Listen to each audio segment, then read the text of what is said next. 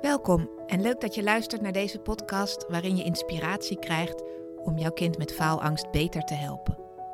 Mijn naam is Mariette Diets en samen zorgen we ervoor dat jouw kind een fijnere schooltijd krijgt.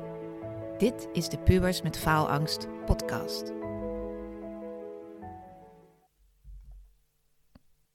In deze aflevering, die ik voor het eerst ook met de video opneem voor YouTube, wil ik het met jullie hebben over uitstelgedrag.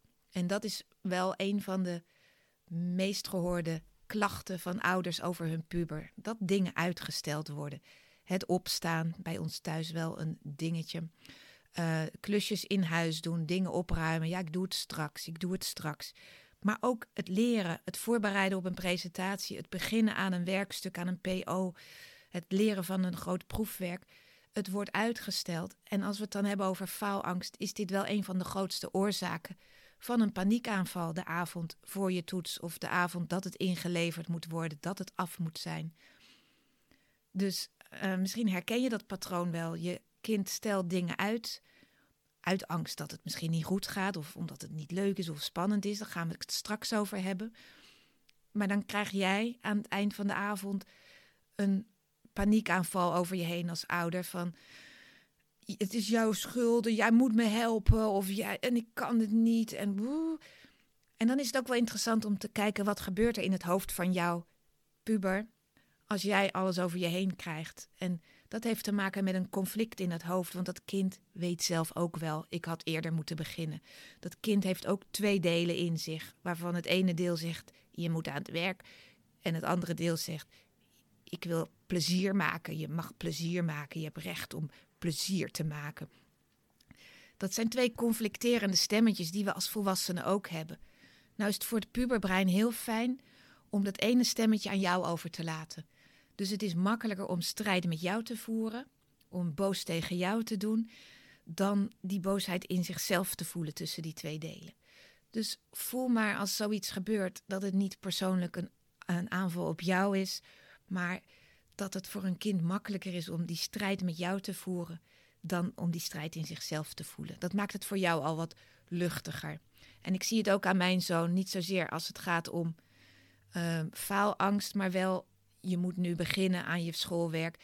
Hij hoeft maar te kijken naar mij en dan zegt hij, ja, ik ga naar boven. Dus hij, hij heeft bij mij al dat stemmetje op mij geplakt, zeg maar. Als hij mij ziet, weet hij, oh ja, eigenlijk moet ik aan het werk. Niet dat hij dan altijd meteen doet, maar ik zie dat gebeuren. Dat die twee delen van hem die dan in conflict met elkaar komen. Maar goed, uitstelgedrag gebeurt. En ik doe het zelf ook. Ik stel ook dingen uit. Um, en dat is dan ook de, de eerste reden waarom stellen mensen uit. Ik pak even mijn aantekeningen erbij, een momentje. Waarom stellen mensen nou dingen uit? Omdat je gewoon geen zin hebt. En um, soms werkt het ook wel, want ik ben een hele goede uitsteller. Maar ik zorg wel dat ik het op tijd doe. En dat is natuurlijk waar die pubers nog een beetje moeten oefenen. Dat ze het wel op tijd gaan beginnen. Maar bijvoorbeeld als ik een coachsessie heb om vier uur s middags, dan ga ik om half vier pas denken: oh ja, wie komt er? Wat heb ik daar vorige keer mee gedaan? Wat, waar zullen we het nu over hebben? Dat zou ik ook de avond ervoor al kunnen voorbereiden. Dus ik doe dat soort dingen ook. En soms kom ik in de knel, want dan komt iemand eerder. En dan, ja, dan moet ik even improviseren. Of zeggen dat ze even moeten wachten, natuurlijk. Maar dit is een soort van way of life die voor mij werkt. En ik herken het ook bij kinderen dat ze dat doen. Maar goed, je hebt gewoon geen zin, is een van de oorzaken waardoor een kind uitstelt. Misschien wel een van de belangrijkste oorzaken. Wat dan helpt als ouder, is dat je kind helpt herinneren aan ja, het korte termijn plezier, um, korte termijn voordelen. Help je kind praten over voordelen en nadelen. Want dit gaat eigenlijk over Ga ik voor de fun nu op mijn telefoon? Of met wat dan ook, wat ik liever doe dan leren? Of denk ik aan het voordeel wat ik eruit haal als ik nu ga leren? Als ik morgen of overmorgen, volgende week, dat PO moet inleveren. Dat je je kind helpt herinneren aan, ja, het is wel fijn als je nu al dit gedeelte doet, want anders kom je volgende week in tijdnood. Help je kind met dat soort dingen op een rijtje zetten. En soms is dat ook door terug te pakken aan op uh, vorige momenten waar het mis is gegaan of waar, het, waar de paniek kwam. Dat je, weet je nog, vorige keer die paniek aan het einde. Als je nou nu begint, dan voorkom je dat. En dan zit je gewoon lekkerder in je vel en dan hoef je ook die paniek niet meer te voelen. Dus dat is dan jouw rol, dat je helpt herinneren aan doelen die behaald moeten worden. Geen leuke rol, maar het helpt wel, want het puberbrein ja, doet liever andere dingen. De tweede reden waarom mensen uitstellen, en pubers zeker, is dat ze onderschatten hoeveel tijd iets kost. En ze denken, ik doe het wel even. Of ze denken, ik heb er al hard aan gewerkt, want soms gaan kinderen wel meteen aan de slag. Dat herken ik bij onze kinderen wel, bijvoorbeeld op de basisschool, ook met boekbesprekingen. Dan beginnen ze al met iets te maken. En dan denken ze, zo, ik heb al heel veel gedaan en dan gebeurt er heel lang niks. Dus ergens beginnen ze dan wel op tijd, maar daarna pakken ze niet door. En dat gebeurt ook op de middelbare school. En soms denk je ook, ik heb mijn presentatie gemaakt, klaar. Maar het kost ook tijd om het te oefenen. Um, een boek leren, een paragraaf leren voor geschiedenis is leuk, maar het kost ook tijd om het te herhalen, om het te oefenen. En dat leren ze door ervaring. En je kunt als ouders dus helpen om te kijken van hoe ging die vorige toets waarvan het cijfer tegenviel. Wat had je toen beter of anders kunnen doen? Want elk tegenvallend cijfer is weer een signaal van dit kan ik volgende keer beter doen. En natuurlijk kan je zeggen, ja, maar dat heb ik al zo vaak gezegd. Toch wees als ouder die grammofoon dat je gewoon zegt, weet je nog hoe het vorige keer ging? Dat je je toen voornam om iets eerder te beginnen. Weet je nog hoeveel tijd het eigenlijk kost om dat allemaal voor te bereiden? Dus dat is een belangrijke. Help je kind omgaan met tijd. Met hoeveel tijd kost iets, hoeveel tijd heb ik nodig, dus wanneer moet ik dan beginnen. De derde reden waarom, uh, ja, waarom we uitstellen, waarom kinderen uitstellen, is dat ze niet specifiek met hun doel bezig zijn. Ze gaan te veel van de hoofdzaken naar de bijzaken. Dat zie ik bij mijn kind gebeuren als hij een werkstuk schrijft. Hij begint met iets te schrijven, dan gaat hij googelen en dan gaat hij nog verder googelen. En op een gegeven moment is hij niet meer bezig met wat hij eigenlijk moet doen. En of je gaat een filmpje erover opzoeken en dan verzand je in dat filmpje en dan ben je niet meer met je hoofdtaak bezig. Wat daar erg helpt als je dat veel ziet gebeuren met je kind is helpen om het werk in stukjes te hakken. Van ga vandaag vooral op dit stuk focussen. En dat moet dan echt wel iets meetbaars zijn. Iets waarvan je kan zeggen op een gegeven moment: dit is af. Ik heb dit af. Want dat is ook een lekker gevoel. Korte brokjes, uh, ja, kleine brokjes helpen beter. Ze zeggen wel eens: hoe eet je een olifant? Plakje voor plakje of hapje voor hapje. Ik weet het niet precies, maar een grote taak moet je in kleine brokjes hakken. En duidelijke brokjes. Want dan is het ook veel lekkerder om daaraan te beginnen. En ook veel lekkerder om het af te strepen als er iets af is. Dan zie je de voortgang meer. Nou, nu komen we aan irritatiefactor nummer 1. Uitstelreden nummer 4 bij mij. Telefoon, social media, gamen. Dat is natuurlijk ook weer het korte termijn plezier wat ik in de eerste reden noemde van je hebt gewoon geen zin maar ik vind het wel belangrijk om het als onderwerp apart te noemen. Uh, er is zoveel afleiding. Veel meer dan bij ons vroeger. Ehm, het is, alles is hapsnap. Je kan zo een leuke TikTok kijken en als die klaar is, komt er weer een nieuwe. Als je wil, kan je je de hele dag met dat soort dingen bezighouden. Games zijn erop gemaakt dat je na een potje weer verder wil dat als je dood bent, dat je weer verder wilt, omdat je het ook een keer helemaal wil doen. Social media zijn erop gemaakt, die hebben al die algoritmes om je aan dat scherm vast te houden. Ik herken het zelf ook. Dus het helpt als je daar bewust van bent. Het helpt voor je kind van als ik dit brokje af wil hebben vandaag, moet ik even mijn controller wegleggen? Moet ik even mijn telefoon wegleggen? Moet ik al die piepjes uitzetten? Ik heb wel eens mensen in mijn praktijk die hun telefoon bij zich hebben, die maar bleef piepen. Soms zelfs letterlijk vrienden die appten: Waar blijf je? Waar ben je? Ehm, zet het gewoon uit en zeg, zeg tegen jezelf: Ik ga nu focussen op dit ene. En dan kan ik mezelf daarna belonen.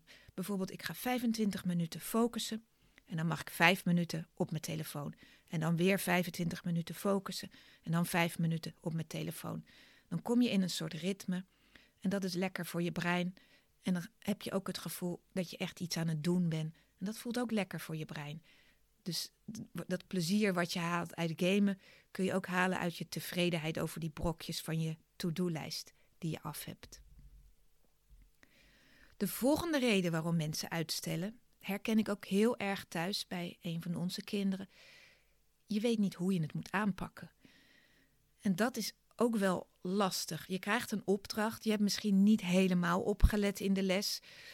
Um, het staat in magister, maar hoe begin je? Ik had het gisteren met onze zoon, die moest iets doen voor wiskunde, Excel, tabelletjes maken, formules oefenen in Excel. Maar eigenlijk wist hij niet eens waar de opdracht stond, waar het te downloaden bestand stond, waar de online leeromgeving stond. Dus dan is de opdracht te vaag in het hoofd van een kind, waardoor je denkt, nou laat maar. Het kost te veel energie voor dat brein om te beginnen. En dan moet je dus ook weer leren om het stapje voor stapje aan te pakken of om om hulp te vragen. Iemand die wel wat makkelijker die dingen snapt. Misschien iemand uit de klas die wel oplet, een vriend of vriendin. Of iemand die sneller dat soort dingen doorheeft of er al wat meer ervaring mee heeft. Maar als je herkent bij jezelf, en misschien herkent je kind dat ook wel bij zichzelf. Ik weet niet zo goed waar ik moet beginnen. Vraag dan even iemand om hulp. Als je het niet voor jezelf op een rijtje krijgt, kan iemand anders je misschien wel helpen door een paar gerichte vragen te stellen. Waardoor je locomotief, je stoomlocomotief op gang komt. Ik zeg ook wel eens, het is een soort draaimolen die op gang moet komen. Die uit, je, uit de speeltuin, weet je wel, zo'n draaimolen waar je op kan staan. Het kost energie om hem in beweging te brengen. Maar als die eenmaal draait, dan ben je wel lekker bezig. Maar dat hoe, ik, hoe moet ik het aanpakken, dat vraagt wel heel veel energie van een kind. Van, en dan gaan ze toch liever wat anders doen. Iets wat makkelijker is om te doen. Nou, lekker op je telefoon bijvoorbeeld. Dus help je kind om die draaimolen aan de gang te krijgen. Een volgende reden die ik belangrijk vind, nummer 6, is dat je nog niet zulke goede routines hebt. En dat is natuurlijk zeker in de brugklas een belangrijke, maar ook bij oudere kinderen. Motivatie is eigenlijk, ja, het is zo'n leeg begrip van, ja, ik heb geen motivatie. Eigenlijk gaat het om routines. Wat doe je als je uit school komt? Wat doe je uh, aan huiswerk? Uh, doe je het alleen maar als het nodig is? Wanneer kijk je? Um, heb je bepaalde momenten op de dag dat jij kijkt, wat moet ik doen deze week? Wat moet ik doen voor volgende week? Wat komen er voor grote dingen aan? En welke momenten op de dag doe je dat? Als je gaat wachten tot je zin hebt, dan gaat het wel heel lang duren. Het is veel makkelijker om dat op vaste momenten te doen. En ik zeg altijd, net als tanden poetsen. Daar denk je ook niet voor je naar bed gaat van... zal ik het nu doen? Zal ik het straks doen? Dat doe je gewoon aan het eind van je avondritueel voor je gaat slapen. En s'morgens misschien ook weer heb je ontbeten. Ga je nog even ontbijten of ga je nog even tanden poetsen en dan naar school. Dus je hebt allerlei rituelen, volgordes van dingen die je doet. Ergens moet dat schoolwerk daar ook een vast plekje in krijgen. Dan hoef je niet meer zo steeds te kiezen. Zal ik het nu doen? Zal ik het straks doen? Want dan is de verleiding veel te groot om het uit te stellen. Dus zorg voor goede routines, goede gewoontes. En of dat nou voor het eten of na het eten is, dat ligt ook een beetje aan het kind. Ik weet bij onze oudste werkt het meer na het eten. Want sowieso dan zijn wij thuis en in de middag is er te veel vrijheid. Maar na het eten dan is er ook geen game bezig. Is, hij is niet op zijn telefoon. De tafel is afgeruimd en dan oké, gaan we nu aan het werk voor dit of dat. Dus kijk wat bij jullie thuis handig is om die routines erin te krijgen. En reden 7, de laatste reden die ik wil geven voor uitstelgedrag, is ook heel passend voor deze podcast. Angst. Angst dat het niet goed gaat. Angst voor die presentatie. Angst voor een onvoldoende. En dat is natuurlijk heel raar, want je roept die onvoldoende over je af als je gaat uitstellen. En dus dat is een hele rare brain piep. Um, je gaat uitstellen uit angst dat je een laag cijfer haalt of dat je het gaat verknallen. En doordat je het hebt uitgesteld, ga je het ook verknallen. Dat wordt een soort self-fulfilling prophecy, zoals ze dat noemen. Ehm, het werkt verlammend, faalangst. Je zit dan in een negatieve spiraal, want de volgende keer denk je weer, ja, ik haal toch een onvoldoende. Dus het is wel interessant. Er is een mooie website, ik kan hem in de show notes stoppen, um, hieronder straks zetten, over uitstelgedrag met een grafiekje. En dat laat zien, dat grafiekje, dat ehm, als je aan het uitstellen bent, dan groeit ook dat gevoel van angst en van ongemak. Dus dat is wel interessant. Hoe dichterbij die toets of die presentatie komt, hoe groter je angst. Maar hoe langer je uitstelt, hoe meer je dus ook die tijd geeft om die angst te laten groeien. En op het moment dat je begint aan de voorbereidingen, dat je begint aan dat PO, aan het leren, aan die presentatie oefenen, dan geeft dat nog wel een rotgevoel van stress en zo. Maar uiteindelijk gaat die stress dan steeds meer naar beneden. En dat is wel een interessant grafiekje, want hoe langer je uitstelt, hoe groter je stress wordt. En hoe eerder je begint, hoe eerder je dat gewiebel krijgt eh, het is nog steeds niet leuk, maar dat gevoel van ongemak, die grafiek schiet veel minder de hoogte in. Dat is wel interessant om met je kind te delen. Ehm, en dan voorkom je ook, als je eerder begint, voorkom je die paniekaanval en die crisis als het echt te laat is. Dus ja, gewoon op tijd beginnen. Dit waren mijn zeven tips. Ik ga ze nog even herhalen, want dat is altijd wel fijn, zo aan het eind van deze podcast. De eerste uitstelreden was: je hebt gewoon geen zin, je doet liever leuke dingen. Je gaat voor het korte termijn plezier. En dan moet je dus als ouders kijken: hoe kan je je kind wat meer helpen herinneren aan doelen die behaald moeten worden, korte termijn doelen. Um, twee, je onderschat hoeveel tijd iets kost. Um, dan helpt het om het in stukjes te hakken. Het helpt om het concreter te maken. Drie, je bent te veel bezig met bijzaken. En dan moet je ook gaan herkennen van wat is ook weer het hoofddoel? Welk brokje ging ik vandaag doen? En dan ga ik daarmee door tot ik klaar ben. Vier, de telefoon, social media, gamen, alles wat daarmee te maken heeft. Herken het bij jezelf. Leg je telefoon weg. Ik zeg ook altijd tegen kinderen: ik leg hem zelf ook weg. Want als ik hem in beeld zie, gaat mijn aandacht erheen. Dus ik moet er gewoon een doekje overheen leggen, een boek overheen leggen over die telefoon. Dan is het makkelijker. Vijf, je weet niet hoe je het aan moet pakken. Vraag om hulp. Herken je dat bij je kind? Ga even samen zitten. Dat was die draaimolen. Uh, zes, je hebt nog geen goede routines. Zorg dat er vaste gewoontes in huis komen. En de laatste zeven, je bent bang dat het niet goed gaat. Help je kind, leg uit dat hoe langer je uitstelt, hoe groter die stress wordt. Dus, en pak die grafiek erbij. Van laat zien dat dat ongemak wordt veel minder als je eerder begint. Nou, dat was het voor deze aflevering. Als jij nog vragen hebt, mag je me altijd een berichtje sturen. Als jij ideeën hebt over afleveringen voor deze podcast, over welk onderwerp rondom faalangst zou jij nou meer willen horen, mag je me altijd ook een berichtje sturen. Dan maak ik daar een aflevering over. Fijne dag nog verder. Doei doei. Bedankt weer voor het luisteren naar de Pubers met Faalangst podcast. Wil je met mij sparren over jullie situatie? Dan kun je altijd een gratis kennismakingsgesprek inplannen via www.dietscoaching.nl. Vind je deze podcast interessant? Abonneer je dan en geef hem een goede review. Dat helpt mij enorm om nog meer ouders te bereiken.